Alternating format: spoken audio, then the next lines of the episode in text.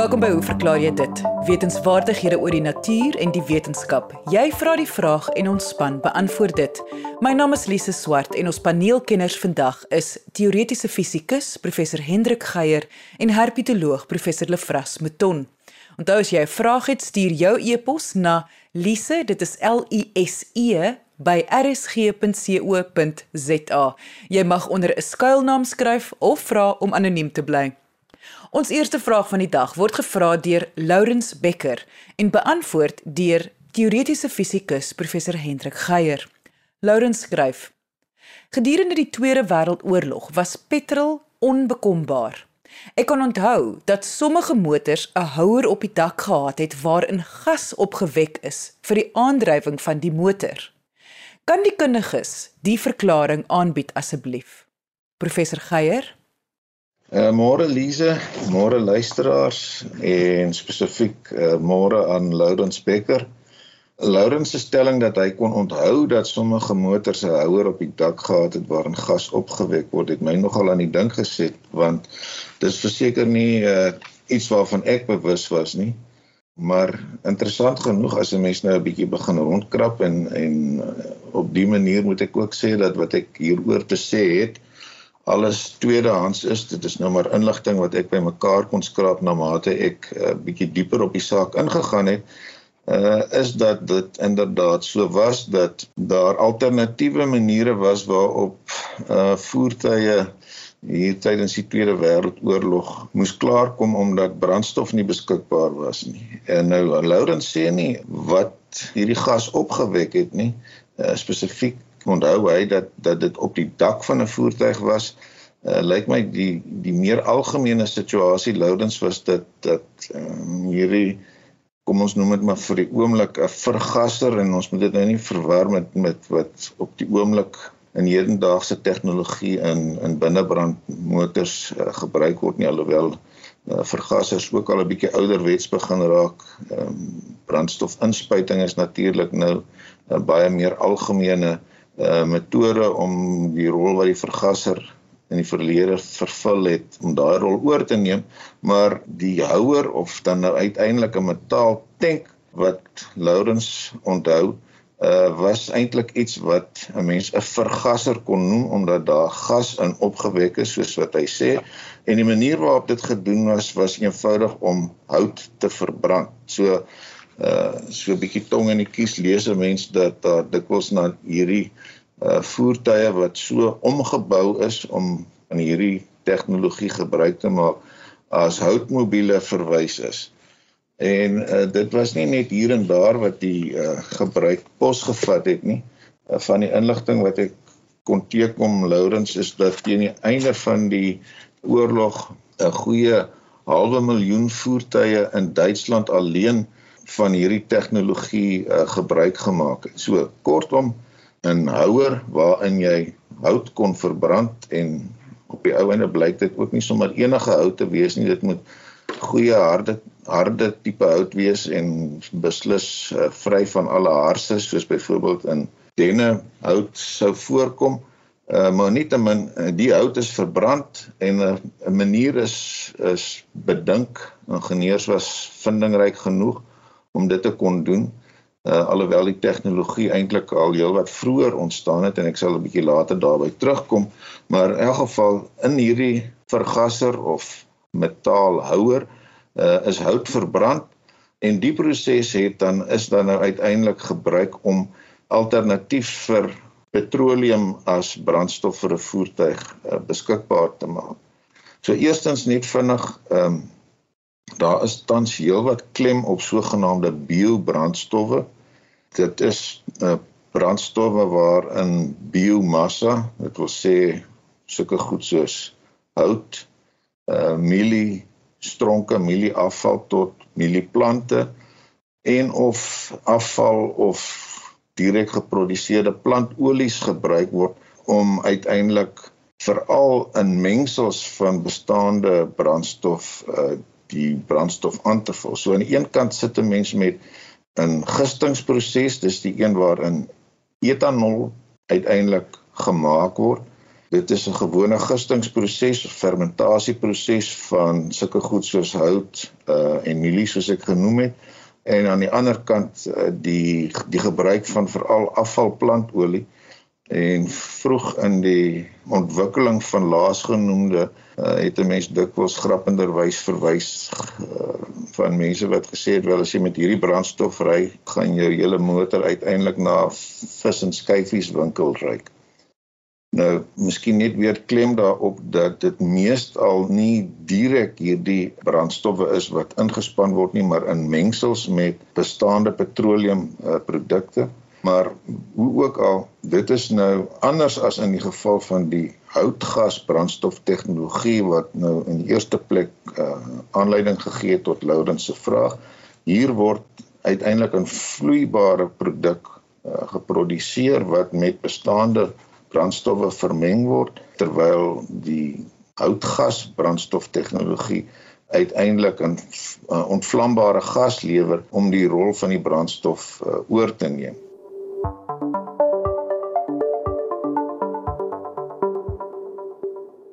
Miskien net vinnig iets oor 'n vergaser.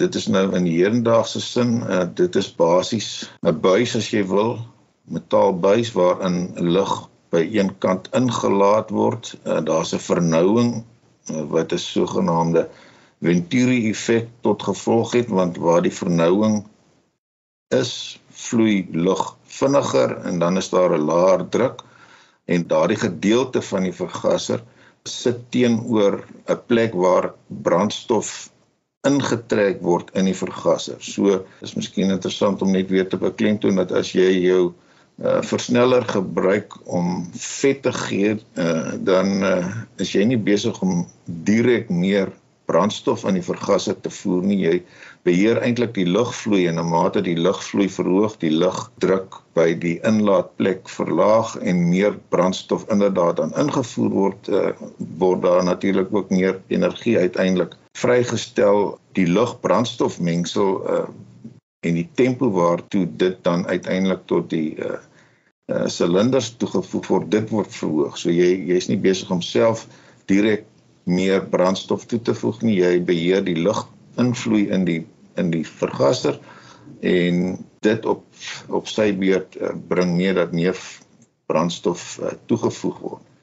Maar die belangrike punt is uiteindelik beland daar iets onvlambaar in die suier of silinderkamer of holte waar die vonkprop se vonk uh, dit laat ontbrand die gas wat uitsit stoot die silinder natuurlik af en meeste luisteraars is bekend daarmee dat dit nou weer op sy beurt aan 'n aan 'n krukas gekoppel is wat onder andere ook die sorg dat die die vuur van die vonkproppe en die posisies van die van die silinders uh, gekoördineer word maar dit is basies die manier waarop 'n hedendaagse uh, binnebrand motor masjien uh die elemente van 'n vergaser uh en 'n silinder gebruik.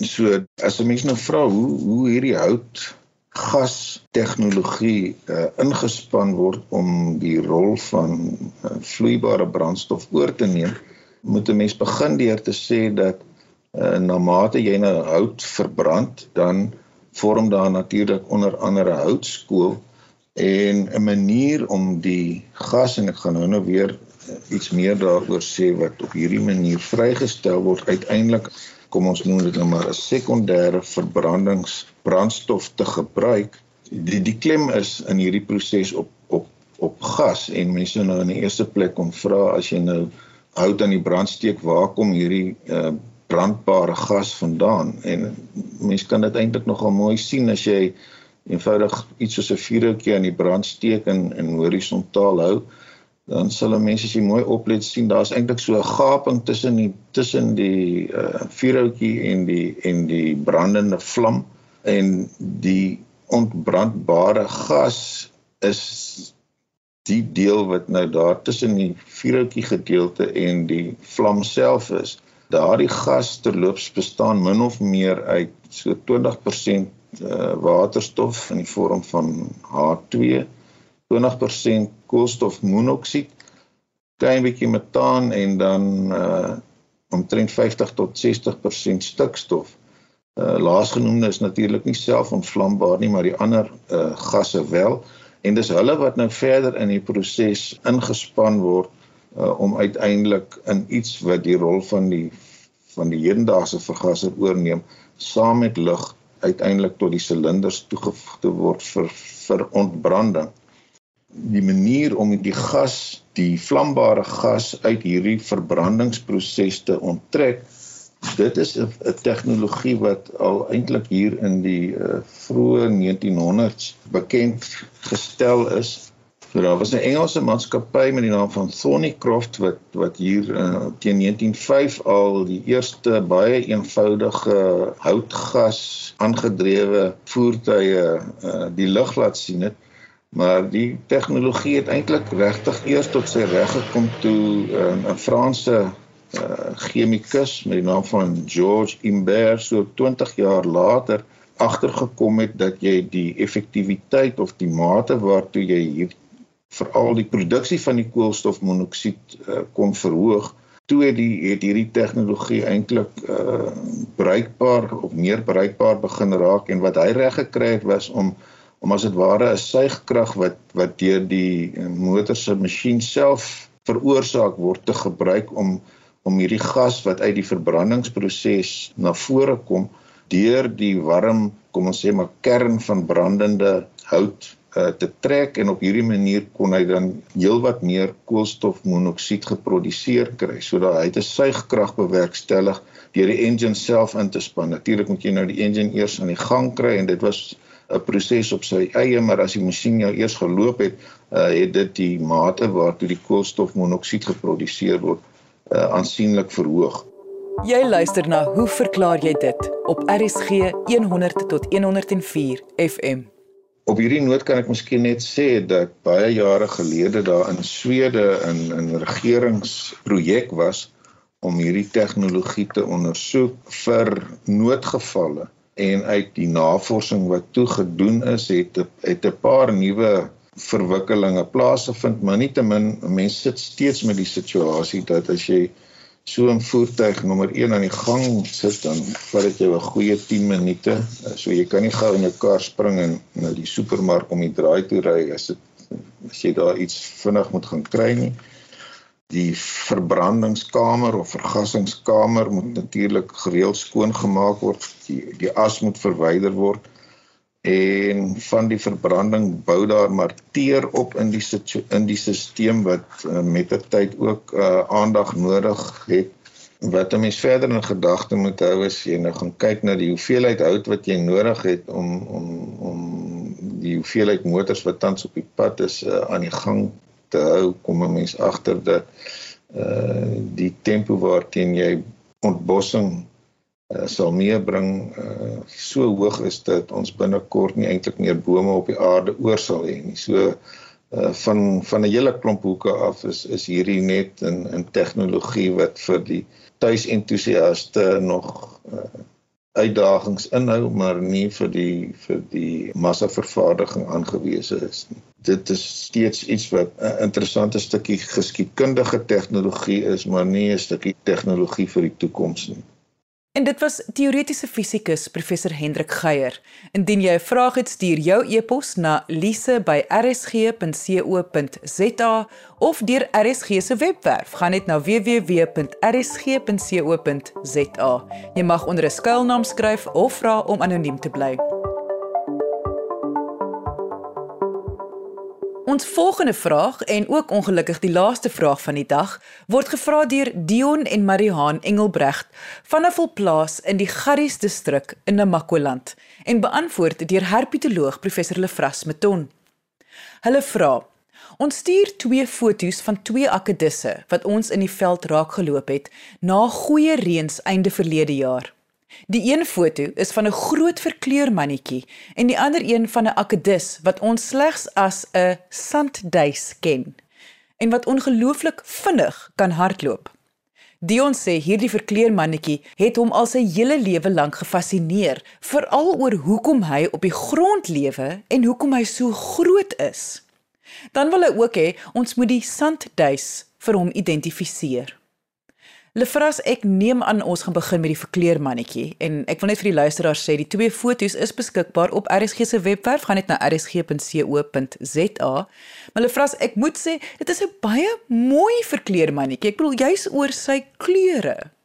Lise, hierdie verkleermannetjie is dit is natuurlik die baie uh, bekende Namakwa verkleermannetjie met die wetenskaplike naam Camellia namaquensis. Nou indrukwekkend is hy beslis en hy gryp die verbeelding aan omdat hy so groot is, omdat hy grondlewend is en in uiters ariede of sal ek sê droë of onherbergsame habitatte aangetref word. En ja, hy is groot as 'n mens nou sy snoet tot kloaka lengte. Dit wil sê nou sonder die stert as maatstaf neem, is hy met sy 16 cm liggaamslengte die grootste verkleemannetjie hier in Suid-Afrika. Te vergelyking ons 17 op wat dwergverkleemmannetjies, hulle meet almal so onder die 10 cm. So hierdie Namakwa verkleemmannetjie is besonder groot. Sy relatief kort stert is sommer dadelik vir ons 'n bewys van sy grondlewende lewenswyse. Boomlewende verkleemmannetjies het ons normaalweg 'n relatief lang stert ook bekend as 'n grypstert wat gebruik word om aan takke vas te klou. Net so 'n interessantheidshalwe die Engelse woord chameleon se oorsprong lê baie ver terug in die geskiedenis en dit beteken letterlik leeu van die grond of grondleeu. Dit is dan nou baie gepas in die geval van die Namakwa verkleemannetjie. Hierdie Verkleemannetjie het 'n relatief groot verspreidingsgebied in die ariede of droë westelike dele van Suidelike Afrika, vanaf Suid-Angola deur Wes-Namibië tot in die westelike helfte van Suid-Afrika. 'n Grondlewende lewenswyse maak seker baie sin gegee dat baie van hierdie habitatte boomloos is en selfs groot struike maar skaars is.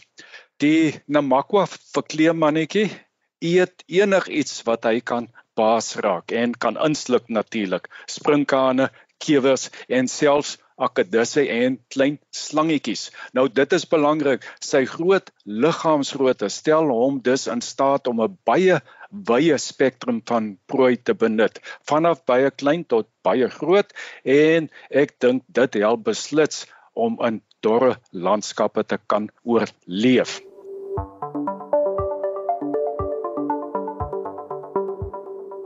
Maar hoekom het hy so 'n groot lyf teenoor ander verkleermannetjies in Suid-Afrika? Ek bedoel is daar 'n spesifieke rede daarvoor?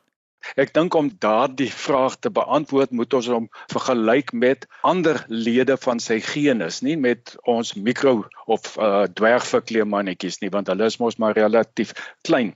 Die 14 spesies in die genus Camellia is bykans almal medium tot groot verkleemmannetjies met snoet tot kloaka lengtes wat wissel tussen 15 en 40 cm. Met 'n snoet tot kloaka lengte van tot 15 cm is die flapnek verkleemmannetjie Camellia dilepus. Dis nou die ander Camellia spesies wat in Suid-Afrika voorkom. Nie ver agter die Namakwa verkleemmannetjies se 16 cm. En baie belangrik dan, hierdie twee spesies lê dus redelik aan die onderpunt van die skaal sover dit liggaamsgrootte in die genus betref. Die grootste verkleemmannetjie in die genus Camellia is Camellia calyptratus met 'n snoet tot kloaka lengte van tot 40 cm. Nou ja, dit is absoluut massief. Nie een van die 13 ander Camellia spesies kom in soortgelyke aride habitatte as die Namakwa nie. So dit is redelik onwaarskynlik dat die verkleemmannetjie se groot grootte 'n aanpassing by aride habitatte is. Ons kan dit eerder as 'n pre-adaptasie beskou. 'n relatiewe groot liggaamsgrootte van die voorvader het die besetting van hoogs aride westelike gebiede moontlik gemaak. Tog is dit interessant dat daar 'n hele paar akedussoorte is waarvan individue 'n groter liggaamsgrootte in Namakwa-land het as elders in die land of waar soorte wat endemies tot die ariede westelike strook is groter in liggaamsgrootte is as naverwante forme wat elders voorkom. So byvoorbeeld is die bloukopkoggelmanne van Namakwaland absoluut massief in vergelyking met bloukopkoggelmannes wat suid van die Knersvlakte of verder na die binneland voorkom. Nou daar is al voorgestel dat hierdie groot groote uh, aanpassing vir oorlewing in hierdie droë omgewing is. Net so te loop uh, eh, Lise die familie Agamidae. Dis nou die familie waartoe die bloukopkoggelmanne behoort. Is die naaste verwantes van vir kleermannetjies. So as jy eendag weer 'n koggelmanne in die veld raakloop, kyk mooi na hom. Hy het net soos vir kleermannetjies dieselfde klein skibbietjies op die lyf en ronde uitpeeloë. Hy kan ook van kleur verander en gebruik ook die tong om prooi van die grond af op te tik. Nog 'n goeie voorbeeld is dan nou toevallig ook die ander akedus wat Dion hulle daar op die plaas het en wat hy 'n sandduis noem. Dion, dit is die reuse woestynakedus met die wetenskaplike naam Merolus tenodactylus. Hy het 'n beperkte verspreidingsgebied vanaf uh, Sossusvlei in Suid-Namibië tot so by Brandsebaai langs ons Weskus. Nou sy voorkeur habitat is areas van los sand en il bedekte plante groei. Hy duik onder die sand in om gevaar te ontsnap en slaap ook onder die sand.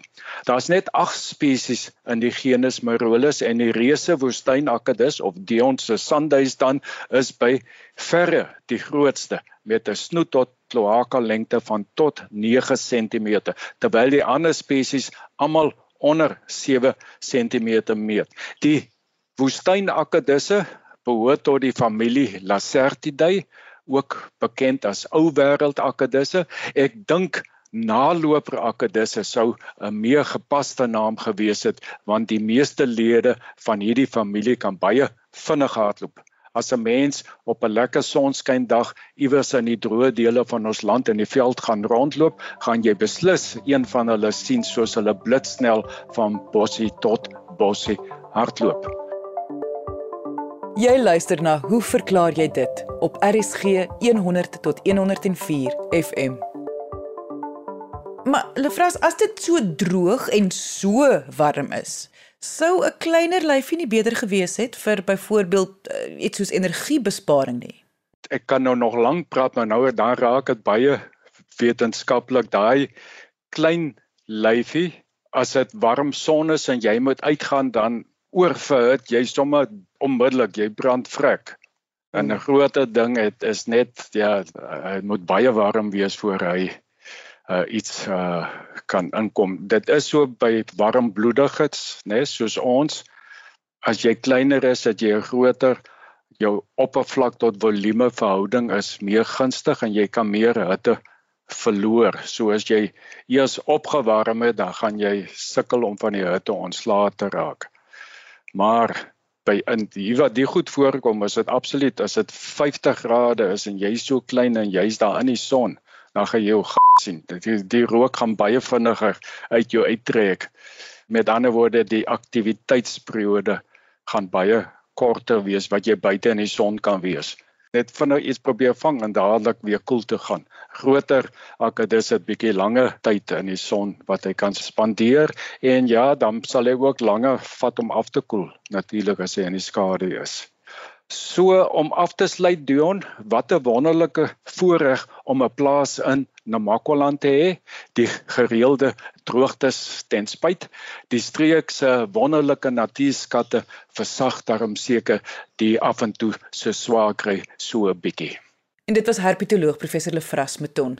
Ongelukkig het ons nie tyd vir 'n kitsvraag vandag nie, maar stuur jou vraag kort of lank na lise@rsg.co.za. Onthou jy mag onder skuilnaam skryf of vra om anoniem te bly. Ek sê baie dankie aan ons kenners en vraestellers vandag. Onthou om altyd nuuskierig te bly en vra te vra tot volgende week net hier op RSG saam met my Lise Swart. Totsiens.